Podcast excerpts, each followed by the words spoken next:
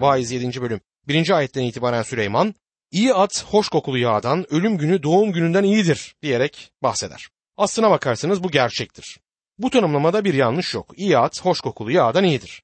Komşuların o kişi hakkında iyi bir adam. Ne aramızda hırgür çıktı ne tartışma bal gibi komşu demeleri hoştur. Sadece gülümsüyor ve yolun ortasında ilerliyor. Ne sağa ne sola bakıyor. Saygın kişi toplumda yeri belirgin kişidir. Kasabadaki çeşitli derneklere üye ve her türlü insanla ilişkisi olan saygın birisi. Ve bir gün hoca efendi herkesin içinde ona ilişkin iyi birkaç laf ve ruhuna El Fatiha ile öbür dünyaya onu gönderecektir. Süleyman diyor ki bu iyi bir nam taşımak ve cenazesindeki övgüyle geçirdiği zamandır ama bu yüreği tatmin eder mi? Vaiz 7. bölüm 2. ayet yas evine gitmek şölen evine gitmekten iyidir. Çünkü her insanın sonu ölümdür. Yaşayan herkes bunu aklında tutmalı diyor. Tüm bu sevaplar ve ahlak yaşamı bir ağırbaşlılık tarzında yapılmaktadır. Bir derneğe giderler. Adamın biri geliyor ve çevre kirliliği üzerinde bir konuşma yapıyor. Bunu dinlerler. Çevre kirliliğine karşı bir şeyler yapmazlar ama bu konuda gayet sakin, ağır başlılıkla konuşurlar. Ertesi hafta bir başka toplantıda birisi şehir sorunlarına ilişkin konuşma yapar. Yine oturup bu insanlar dinler ve bununla ilgili konuşurlar. Ama yaptıkları yine bir şey yoktur. Bir arkadaşları ölür. Cenazesine giderler ve ölene ilişkin güzel sözleri işitirler. Gerçeğe bakılacak olursa pek üzülen yoktur. Onu özleyecek, yokluğunu fark edecek olan da pek yoktur. İçinde yaşadığımız kasabanın, şehrin durumu budur. Bu tür sürdürülen bir yaşam insanın gereksinimlerini karşılamaz. Ben bu tür yaşamı zırvalık diye adlandırıyorum. Böyle bir yaşam yaşamadığım için de mutluyum ve böyle bir yaşamı da asla yaşamak istemem. Bu gerçekte yaşamak değildir. Bu çok berbat bir durumdur. Açıkça söylemek gerekirse bu tür bir topluma asilikle davranan genç nesle hak vermemek bir yerde haksızlık olur. Vaiz 7. bölüm 3. ayette üzüntü gülmekten iyidir. Çünkü yüz mahzun olunca yürek sevinir diyor. İnsanlar kederden kaçabilmek için her yola başvuruyorlar. Bir cenaze töreninin hemen ardından gülüşenler, şakalarla kahkahalar atanlar sıklıkla görülmektedir. Çok önemli bir gerçek çiçeklerle süslü sözlerle örtülür ve kişiler evlerine gittiği zaman çok iyi geçti bu cenaze töreni diyebilirler. Ve bu yaşamın en önemli ve acıklı gerçeği bir çırpıda unutuluverir. Vaiz 7. bölüm 4. ayet Bilge kişinin aklı yas evindedir. Akılsızın aklıysa şenlik evinde diyor. Mezarlıktan 100 metre uzaklaşmadan bile aralarından biri bir şaka yapar ve birden herkes kahkahayı basar. Bu ölüm gerçeği önünde sürdürülen yaşamdır. Arkadaşları toprağın altına verilmişken ve kendileri de aynı yerin yolcusuyken bu insanları bu konuda ciddi düşünmeye sevk eden bir şey yok. Durup da nereye gittiklerini öğrenmek istemi bu insanları hiç mi hiç ilgilendirmiyor sanki. Kurtulmuşlar mıdır? Tanrı ile sağlıklı bir ilişkileri var mıdır? Bunu pek önemli saymazlar. Falan filan derneğin hayır toplama gecesine katıldılar ya. Yeşilay'a katkıları var ya. Vatandaşlık görevlerini en iyi biçimde yerine getiriyorlar ya. Günahın getirdiği ölümü ve Tanrı'nın İsa Mesih aracılığıyla günahlara bağışı ve kurtuluşa imanı bir kenara o zaman atabilirler sanki. Oysa en önemli nokta budur dostum. Sen günahlısın ve günahın er geç seni yargıya getirecektir. Bu nedenle bir an önce günahlarına bağış bulmalısın. Vaiz 7. bölüm 5 ve 6. ayetlerde bilgenin azarını işitmek, akılsızın türküsünü işitmekten iyidir. Çünkü akılsızın gülmesi kazağının altındaki çalıların çatırtısı gibidir. Bu da boştur diyor. Süleyman'ın noktası budur. Niçin her ikisini de denemeyelim? Bilgenin azarını işitmek ve ardından diskoya gidip gürültülü rock müziği dinleyip bundan zevk almak. İlki diğerinden iyi olabilir ama her ikisini de dinlemek en iyisidir. Bu bölüm boyunca bize anımsatılacak olan budur. Vaiz 7. bölüm 9. ayette çabuk öfkelenme. Çünkü öfke akılsızların bağrında barınır diyor. Herhangi bir konuda öfkelenme, sakin ol ve herkesle dost kal. Çünkü bu işine gelecektir. Kolay yolu dene, yavaş yürü. Aşırıya kaçma, uzlaşmaya hazır ol. Herkes bugün nereye gidiyorsa sen de oraya git. Herkes yarın nereye gidecekse sen de onlara katıl. Görüyorsunuz değil mi? Sevapçı cumartesiyi cehennemde, pazarı kilise sıralarında geçiren kişidir. Cumartesi kör kütük sarhoş ve pazar günü ne sanıyorsunuz? Elbette Hristiyanım. Dinsiz miyim? Sözlerini tekrarlayan kişidir. Bu kişi gerçekte Tanrı tanımaz birisidir. Vaiz 7. bölüm 11. ayet. Bilgelik miras kadar iyidir. Güneşi gören herkes için yararlıdır diyor. Süleyman'ın Özdeyişler kitabında bilgelik sözünün Mesih'e verilen bir diğer isim olduğunu görmekteyiz. Mesih bizim bilgeliğimizdir. Sevapçı Mesih'e iman gereksinimini duymaz. Halbuki bunu duymalıdır. Vaiz 7. bölüm 12. ayette bilgelik siperdir, para da siper. Bilginin yararı ise şudur. Bilgelik ona sahip olan kişinin yaşamını korur diyor. Burada geçen adam çok para ister ama Mesih'i istemez. Bilgelik ona sahip olan kişinin yaşamını korur. Ve sen bunu parayla satın alamazsın. Gelişmiş tıp olanakları yaşamını birkaç sene uzatabilir belki ama sana sonsuz yaşamı veremez.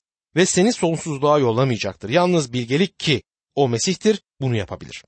Vaiz 7. bölüm 21. ayette insanların söylediği her söze aldırma. Yoksa uşağının bile sana sövdüğünü duyabilirsin.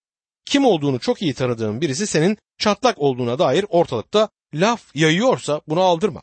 Eğer yolun ortasını izlersen ileride herkesin takdirini toplayacaksın diyor. Sevgili dostum yapabildiğin kadar sevap işlemek, iyilik yapmaya çalışarak yaşamda doyum aramak ot gibi yaşamaktır, adam gibi değil.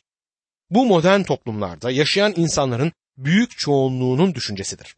Haftanın altı günü her türlü kötülüğü yalanı dolanı yapar, pazar günde kiliseye gider bu kişiler.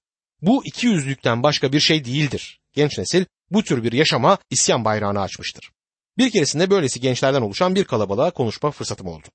Aralarından Mesih'i yaşamlarına alanlar oldu. Her şeyi denediler ama neden her pazar kiliseye giden ailelerinden Mesih'i öğrenmediler? Gördüler ki evlerinde ve kiliselerinde kesin eksik olan bir şey var. İki yüzlülüğü sevapçıları, ahlak kuralcıları kesilen pazar Hristiyanlarının yaşamındaki boşluğu bu gençler gördü. İnanıyorum ki Tanrı'yı tanımayan birisine İncil'le ulaşmak iki yüzlü dinlere ulaşmaktan daha kolaydır. Ateist, sevinç getiren haberi ilk duyduğunda buna tepki verebilir. Ama pazar Hristiyanı her hafta duyduğu sözlerin içinde nasırlaşmıştır. Bu gerçekten acıklı bir durumu oluşturur. Vaiz 8. bölümde ılık adamı görüyoruz. Ne sıcak ne de soğuktur bu adam. Ahlakçılar ve sevapçılar yaşamın altın kurallarına sahip olduklarını iddia ederler ama altın kuralların neler olduğunu ve neleri gerektirdiğinden haberleri yoktur. Süleyman kötü ile iyi arasında çok fazla bir farklılık bulunmadığını gözlemektedir. Vaiz 8. bölüm 1. ayet Bilge insan gibisi var mı? Kim olup bitenlerin anlamını bilebilir? Bilgelik insan yüzünü aydınlatır.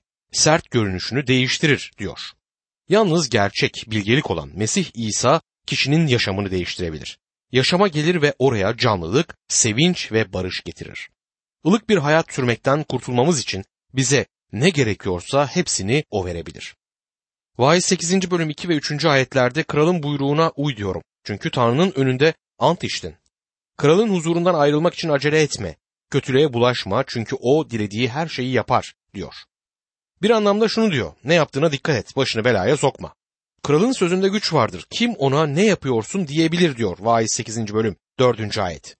Kral doğru olduğuna inandığını yapar çünkü buna gücü vardır. Sevgili dostum niçin bir kral gibi yaşamıyorsun? Niçin Mesih'in tarafında yer almıyorsun? Hippi yaşamına dalmış bir gençle konuştum. Ona sordum. Neden böyle yaşıyorsun? Niçin böyle giyiniyorsun? Bana özgür olmak istiyorum. Özgürlüğü istiyorum. Canımın istediği gibi yaşamak istiyorum diye yanıt verdi. Ona dedim ki izin ver sana bir soru sorayım. Eğer bu üstündekileri çıkartırsan arkadaşların seni yeni giysilerinle kabul edecek mi? Biraz durdu düşündü ve sanmıyorum dedi. O zaman sordum. O halde o kadar da özgür değilsin öyle değil mi? Genç nesil içinde yaşadıkları gruba ayak uydurmayı ve bu yaşamı sürdürmeyi özgürlük sanıyor. Oysa gerçek özgürlükten haberleri yok. Birçok kişi sırf gruplarına ayak uydursunlar, onlardan biri gibi olsunlar diye içkiye, sigaraya ve hatta uyuşturucuya başlamaktadır. Bir gence böyle giyinmeyi istediğim için özgür, olmadığımı mı sanıyorsun diye sordum bana. Evet öyle demeliyim diye yanıt verdi. O zaman ona kendisinin sahip olmadığı bir özgürlüğe sahip olduğumu söyledim. Ben her zaman böyle giyinmem. Canımın istediği gibi giyinirim. Ve öyle de yaptım. Modayı izlemem. Özgürüm. Sonra ona şunları sordum. Sen ve ben Tanrı'ya isyankarlığın çoğaldığı bir dünyada yaşıyoruz. Bu insanın gittiği yöndür. Ama ben İsa Mesih önünde diz çökebilirim. Onlar Rabbim ve kurtarıcım olarak seslenebilirim. Bu gerçek özgürlüktür. Genç kardeşim eğer sen de gerçekten özgür olmak istiyorsan Mesih İsa'ya gel. İsa eğer oğul sizi özgür kılarsa özgür olacaksınız diyor. İşte gerçek özgürlük budur dedim.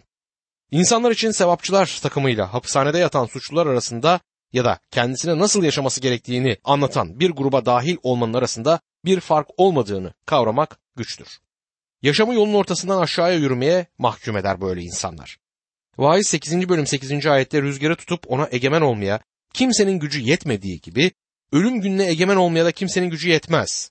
Savaştan kaçış olmadığı gibi kötülük de sahibini kurtaramaz diyor. Eğer bir kişi içine girdiği grubun verdiği kokteyllere adım atmayı sürdürürse bir gün alkolik olduğuna şaşırmamalıyız. Ve sonunda ölüm ona gelecek ama ölüme egemen olmaya gücü yetmeyecektir. Vaiz 8. bölüm 11. ayette suçlu çabuk yargılanmazsa insanlar kötülük etmek için cesaret bulur diyor.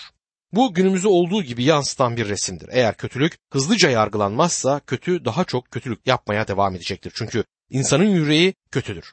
Hatta kendilerini Hristiyan diye adlandıranlar bile günahta olmayı sürdürebilirler ve diyecekler ki bak 5 yıl önce günah işledim ve Tanrı bir şey yapmadı. Bu zaten üzerinde Tanrı yargısının bir göstergesidir. O seni ortasından indiğin yolun aşağısında bekler. O sonsuza dek bekleyebilir ama sen bekleyemeyeceksin. 2. Korintiler 6. bölüm 2. ayette uygun zaman işte şimdidir. Kurtuluş günü işte şimdidir diyor Tanrı sözü. Tanrı bugün senin canını kayırır çünkü ona dönebil ister. Vaiz 8. bölüm 14. ayette yeryüzünde boş bir şey daha var. Kötülerin hak ettiği, doğruların hak ettiği ise kötülerin başına geliyor. Bu da boş diyorum der. Süleyman olaylara yüzeyden bakıldığında kötü ile iyi arasında bir fark yokmuş gibi göründüğünü gözler. Gerçekten de iyi ile kötü arasında fark yok gibi görünür. Çünkü her ikisi de aynı sona ilerlemektedir. Vaiz 8. bölüm 15. ayette mutluluğu övgüye değer buldum. Çünkü güneşin altında insan için yiyip içmekten, mutlu olmaktan daha iyi bir şey yoktur. Çünkü Tanrı'nın güneşin altında kendisine verdiği ömür boyunca çektiği zahmetten insana kalacak olan budur der. Ye, iç, evlen. Güneş altında Tanrı'nın kendisine verdiği yaşamın tadını çıkartabildiğince yaşamanın en karlı iş olduğu sonucuna varır. Bu yaşamın sahip olabileceği en hoş felsefedir. Vaiz 9. bölümde sevapçı olarak tanımladığımız ahlak kuralcısını harekete geçmiş olarak görmekteyiz. Eğer dürüstçe borçlarını öder, iyi bir hayat sürersen Tanrı senin yanına kabul eden diyen birisidir bu. Yol ortasında giden suya sabuna dokunmak istemeyen kişidir. Gece hayatına düşkün, vaktinin büyük bölümünü neon ışıklarının parladığı yerlerde harcayan ama seçkin, ayrıcalıklı ve ağırbaşlı insanların oturduğu semtte oturan birisidir. İyilik çabalarıyla cennete varacağını sanan kişi böyle resmedilebilir. Kendimi sevaplarımla kurtaracağım. İyi birisiyim aynı zamanda. Bu zor bir hayat felsefesi, çok az sevinç getiren bir yaşam biçimidir. Akşam eğlencesi en mutlu anı ama o karamsar ve sıkıntılı an hızlıca gelecektir. Vaiz'in yazdığı öğretilerin çoğunun oldukça radikal olduğunu, güneş altındaki adamın yaşam felsefesini gördük. Bu ne Mesih inanlısının yaşama bakış açısını ne de Tanrı'nın bakış açısını yansıtır. Bunlar bize güneş altındaki adamın vardığı kaçınılmaz sonuçları aktarır. Ben bu kitabı sıkıntılı, elem dolu bir kitap olarak bulmaktayım ve bu bölüm özellikle böyledir. Bu bölüm bir koyun sürüsünün içindeki kara bir koyun gibidir. Bu bölümden birçok parçayı alabilirsiniz. Kutsal yazının diğer bölümleriyle çelişiyor gibi görünebilir. Bu hızlı fikirler kutsal yazının önemli büyük öğretilerine karşı çıkar. Bu da ateistler arasında bu kitabın niçin popüler olduğunu açıklar. Volney ve Voltaire bundan düzenli olarak yararlanmışlardır. Karamsar, pesimistik felsefe buradan kendisini beslemeye çalışır. Bazı modern tarikatlar ana öğreti tezlerini de bu kitaptan almışlardır. Bu kitap kutsal kitaba öyleyse nasıl girmiştir? Gerilere yazarın amacına dek uzanmakta yarar görüyorum o zaman. Bu tezler neydi? Bu bölüm neyi sergiler? Hristiyan prensiplerini mi yerleştirmeye çabalıyordu? Her zaman aklımızda tutmamız gereken konu şudur ki Süleyman'ın Tanrı'dan uzak bir yaşama ilişkin konuştuğu deneyimlerdir bunlar. Deneyimlere girerek Tanrısız nedenle mutlu olduğunu göstermek ister. Bunlar güneş altında varılan sonuçlardır. Bu dünyasal adamın yaşama bakışıdır. Bu nedenle inanlı olmayanların bu kitaba ılımlı bakmalarına şaşırmamak lazım. İzin verirseniz bu kitabı daha iyi anlamamıza yardımcı olacak bir betimleme yapayım. Gelgit ya da Medcezir diye adlandırdığımız olay suların yani denizlerin ayın etkisiyle yükselip alçalmasıdır. Suların en yüksek ve en alçak seviyeye indiği ölçüden orta nokta alındığında buna deniz seviyesi ismi verilir. Deniz seviyesinin altı ve üstü iki ayrı yaşamı ifade eder. Bunlar iki farklı dünyadır. Deniz altındaki dünyada belirli kimyasal elementler sular dünyasına aittir. Deniz seviyesi üzerindeki elementlerin değişik bileşimleri bulunmaktadır. Bunlar atmosfere aittir. Deniz seviyesi altında yüzgeçleriyle balıklar var. Yukarıda ise kanatlarıyla kuşlar uçar. Bu yaşamın iki ayrı çeşididir. Ağaç kakan ton balığına kanatları olmadığı için tümden yanlış olduğunu söyleyemez. Maymunla köpek balığı arasında deniz seviyesi konusunda büyük tartışma doğabilir. Ağaçta yaşayan maymun deniz seviyesine aşağı, köpek balığı ise yukarı diyecektir. Şimdi vaiz güneş altında diyor. Çünkü Mesih inanlısının yaşamı yukarıdadır. Tanrı'nın bulunduğu yerdedir. Güneş altındaki adamın yaşama bakış açısı güneş üzerindeki Tanrı'nın bakış açısından farklıdır. Biz iki ayrı dünyaya, iki ayrı yaşam tarzına göz atıyoruz. Güneş altındaki yaşam Tanrı'dan uzakta yaşanan dünyasal yaşamdır. Tanrısız ve geleceğe sonsuza bakıştır. Mesih inanlısının sahip olduğu yaşam ise bununla her yolda çelişir. Çünkü insan Tanrı'nın lütfu aracılığıyla kurtulmuştur ve yaşamında onun lütfunu yansıtır. Ortada biri diğerine uymayan iki değişik dünya ve yasalar hatta prensipler vardır. Denizin altı ve denizin üzerindeki seviyenin farklılığı kadar büyük bir fark görürüz. Koleseliler 3. bölüm 1. ayette Mesih'le birlikte dirildiğimize göre gökteki değerlerin ardından gidin. Mesih orada Tanrı'nın sağında oturuyor der. Burada bahsedilen adam ise Mesih'e iman etmemiş, Mesih'le birlikte dirilmemiş kişidir. Öyleyse yukarıda olan şeyleri arayamaz. Onun ilk ihtiyacı yeniden doğup yeni bir yaratık olmaktır. Gördüğümüz gibi Mesih inanlısı olmayana onun inanlısı gibi konuşmanın gereği yoktur. Çünkü adam Mesih'e iman etmemiştir. Bu hantal bir kaplumbağaya uçmayı öğretmeye çalışmaya benzer. Hantal kaplumbağa hantaldır. Uçmayı öğrenmeye ilgisi de zaten bu zavallı hayvanın yoktur. Görüldüğü gibi vaiz kitabı Süleyman'ın yaşamında yaptığı deneylerin bir kaydıdır. Canın doyum getireceğini sandığı her şeyi denediği o güneşin altına anlatır. Her şeye bu ışık altında bakılmalı ve bu kitap bu şekilde değerlendirilmelidir. Süleyman bilgi toplamak çabasını düşmüştür ve kitaplar araştırmanın sonu olmadığı sonucuna da varır. Keyfe daldı ve ne gördü? Hayattan nefret etti. Zenginliğe gönül verdi, hangi sonuca ulaştı? Gümüş toplayan gümüşe doymaz. Dinselliği inceledi ve dinin kendisine bir şey veremeyeceğini gördü. Çıldırmış birisi gibi davrandı. Ün ve iyi nam sahibi olmayı denedi. Ahlaklı olmaya özendi. Tüm söylediği tümünün boş ve yeli kavramaya çalışmak olduğuydu. Bir yazar boş güzel adını verdiği ve bir genç kızın öyküsünü anlatan bir roman yazmış. Olay savaş yıllarında Napolyon devrinde geçmektedir. Roman karakterinin Tanrı'dan uzak günahlı yaşantısını bu yazar işler. Yazar aynı zamanda inanlı birisidir. Kitap şu sözlerle biter. Oyun bitti. Kuklaları kutularına yerleştirdik. Her şey boş ve yeri kavramaya çalışmaktır. Agustin bize sıklıkla kullandığımız şu tanımlamayı verdi. Ey Rab sen bizi kendin için yarattın ve yüreklerimiz sende rahat bulana dek huzursuzdur. İnsan yüreği öyle yaratılmıştır ki tüm dünyayı içine koysanız da olmaz. Wise kitabından alıntılar sosyalizmi desteklemekte kullanılmıştır. Sistematik yönetimciliğe ve devletçiliğe tek bir yanıt vardır. İsa Mesih tek yanıttır. Tüm diğer yollar boşluğa ve hayal kırıklığına sürüklerler. Onda yani Mesih İsa'da ise yaşam bolluğu vardır. Vaiz 9. bölüm 1. ayet. Böylece bütün bunları düşünüp taşındım ve şu sonuca vardım. Doğrular, bilgeler ve yaptıkları her şey Tanrı'nın elindedir. Onları sevginin mi, nefretin mi beklediğini kimse bilmez diyor. Gelecek konusunda kaygısı tasası yok. Sonsuzluk dünyasını aklına bile getirmez. Çünkü bu konuda bilgisi sıfırdır. Vaiz 9. bölüm 2. ayet. Herkesin başına aynı şey geliyor. Doğrunun, iyinin, kötünün, temizin, kirlinin, kurban sunanla sunmayanın başına gelen şey aynı. İyi insana ne oluyorsa günahlıya da oluyor. Ant içene ne oluyorsa ant içmekten korkana da aynısı oluyor diye yazar. Burada Süleyman'a hangi yöne gittiğinin önemi yokmuş gibi görünür. Öyle ya nasıl olsa hepsi aynı yolun yolcusudur. Anımsayın bu Tanrı'nın yanıtı değil. Bu çevresindekilerin yaşamını izleyen güneş altındaki adamın yanıtıdır. Bulduğu yoldur. Vaiz 9. bölüm 3. ayet. Güneşin altında yapılan işlerin tümünün kötü yanı şu ki herkesin başına aynı şey geliyor. Üstelik insanların içi kötülük doludur. Yaşadıkları sürece içlerinde delilik vardır. Ardından ölüp gidiyorlar der. İnsan niçin çalışmalıdır? Yaşam büyük bir piyango ve sen kaderinin ve şanssızlığının kurbanısın. Şanslı kişi bundan payına düşeni alır. Seninle bunu paylaşmaz. Günümüzün felsefesi yeni şeyler söylememektir. Karl Marx yeni bir şey söylemedi. Süleyman ondan sadece bir sokak ilerideydi bunları yazarken. Vaiz 9. bölüm 4. ayette yaşayanlar arasındaki herkes için umut vardır. Evet sağ köpek ölü aslandan iyidir der.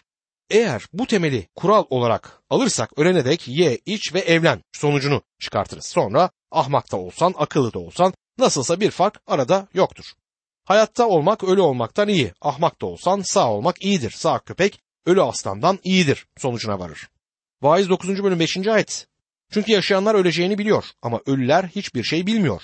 Onlar için artık ödül yoktur. Anları bile unutulmuştur diyor. Bu ve 10. ayet ruh uyuması fikrinin ortaya çıktığı yerdir. Tüm bu gözlemler güneş altındaki adama ait. Bu ölümün son olduğu ve ölümün ardında hiçbir şey olmadığı görüşüdür. Bu yüzden sağ köpek ölü aslandan iyidir der. Tanrı bize ölümün ardından olacakları bildirdi. Beden mezara konulacak. Mezarda uyuyan bedendir. Kutsal kitap Tanrı çocuğunun ölümünün ardından ruhunun nereye gittiğini çok açıkça bildirir. 2. Korintiler 5. bölüm 6, 7 ve 8. ayette bu nedenle her zaman cesaretimiz vardır. Şunu biliyoruz ki bu bedende yaşadıkça Rab'den uzaktayız. Gözle görülene değil, imana dayanarak yaşıyoruz. Cesaretimiz vardır diyorum ve bedenden uzakta Rabbin yanında olmayı yeğleriz diye yazar. Ruh gerçek kişi Rab'le birlikte olmaya gider. Bedenden ayrı Rab'le birlikte senin ve benim içinde barındığımız bedenlerimiz sadece dünyasal birer çadır olarak kalacaktır ve bir gün bu çadırdan ayrılacağız. Görüyorsunuz ruhun uyuması Mesih inanlısının düşüncesi değildir. Vaiz 9. bölüm 6. ayette sevgileri, nefretleri, kıskançlıkları çoktan bitmiştir. Güneşin altında yapılanlardan bir daha payları olmayacaktır diye yazar. Size bu bölümün oldukça sıkıntılı, hüzünlü olduğunu söylemiştim. Yaşam anlamsız, amaçsız, boş gibi görünür. Eğer ölüm her şeyin sonuysa insan sadece bir hayvan gibi yaşar. Evrim teorisini savunan insanın bir zamanlar hayvan olduğunu söylediğini biliyoruz ve güneş altındaki bu adam şimdi bir hayvan olduğunu belirtir. Her ikisinin de sonu aynı yere varır. İnsan hayvan gibi ölür. Yaratıcı bir elin eseri olduğumuzu ve sonunda bu yaratıcıya döndüğümüzü bilmek bambaşka bir ayrıcalıktır. Vaiz 9. bölüm 7. ayette git sevinçle ekmeğini ye, neşeyle şarabını iç. Çünkü yaptıkların baştan beri Tanrı'nın hoşuna gitti diyor. Sevapçı ölümün tüm sevinçlerinin, mutlulukların son durağı olduğunu düşünmektedir. Ye, iç, evlen, keyfine bak zihniyeti budur. Bu dünyanın en can sıkıcı, tek düze yaşamıdır böyle bir yaşam. Vaiz 9. bölüm 8. ayet giysilerin hep ak olsun. Başından zeytinyağı eksilmesin diyor. Bu kişi giyiniyor, kuşanıyor ve yaşamdaki iyi yerini koruyor. Vaiz 9. bölüm 9. ayet güneşin altında Tanrı'nın sana verdiği boş ömrün bütün günlerini, bütün anlamsız günlerini sevdiğin karınla güzel güzel yaşayarak geçir. Çünkü hayattan ve güneşin altında harcadığın emekten payına düşecek olan budur der. Evliliğin tadını çıkar diye öğütte bulunuyor. Ortalıkta Mesih'e ait olmayan pek çok insan var. Birlikte evliliğin tadını çıkartıyorlar. Onlardan bazılarını tanıdım. Pek çok sorunları var ve gidişleri kötü ama tutumları gel en iyisini yapalımdır. Şimdi uyuyan ruh teorisinin kurulduğu bir diğer ayete bakalım. Vaiz 9. bölüm 10. ayettir bu. Çalışmak için eline ne geçerse var gücünle çalış. Çünkü gitmekte olduğun ölüler diyarında iş, tasarı, bilgi ve bilgelik yoktur diyor. Mezarda yatan birinin çekiç tutamayacağı bir gerçek. Mezardaki bedende beyin çalışma ve ortaya fikirler çıkartma yeteneğini yitirecektir. Süleyman yalnızca bedene ilişkin konuşmaktadır. Çalışmak için eline ne geçerse var gücünle çalış diyor. El hakkında konuşmaktadır. Ruh ya da cana ilişkin değildir bu ayet. Mezara konulacak olan eldir. Eğer Tanrı çocuğuysan Rabbin huzuruna gideceksin. Eğer Tanrı çocuğu değilsen yeniden dirilip büyük beyaz tahtın önünde yargın kesilene dek ölüler ülkesine gideceksin. Bu yaşam asla sona ermeyecek. Bu kitap ruhun uykusunu öğretmez.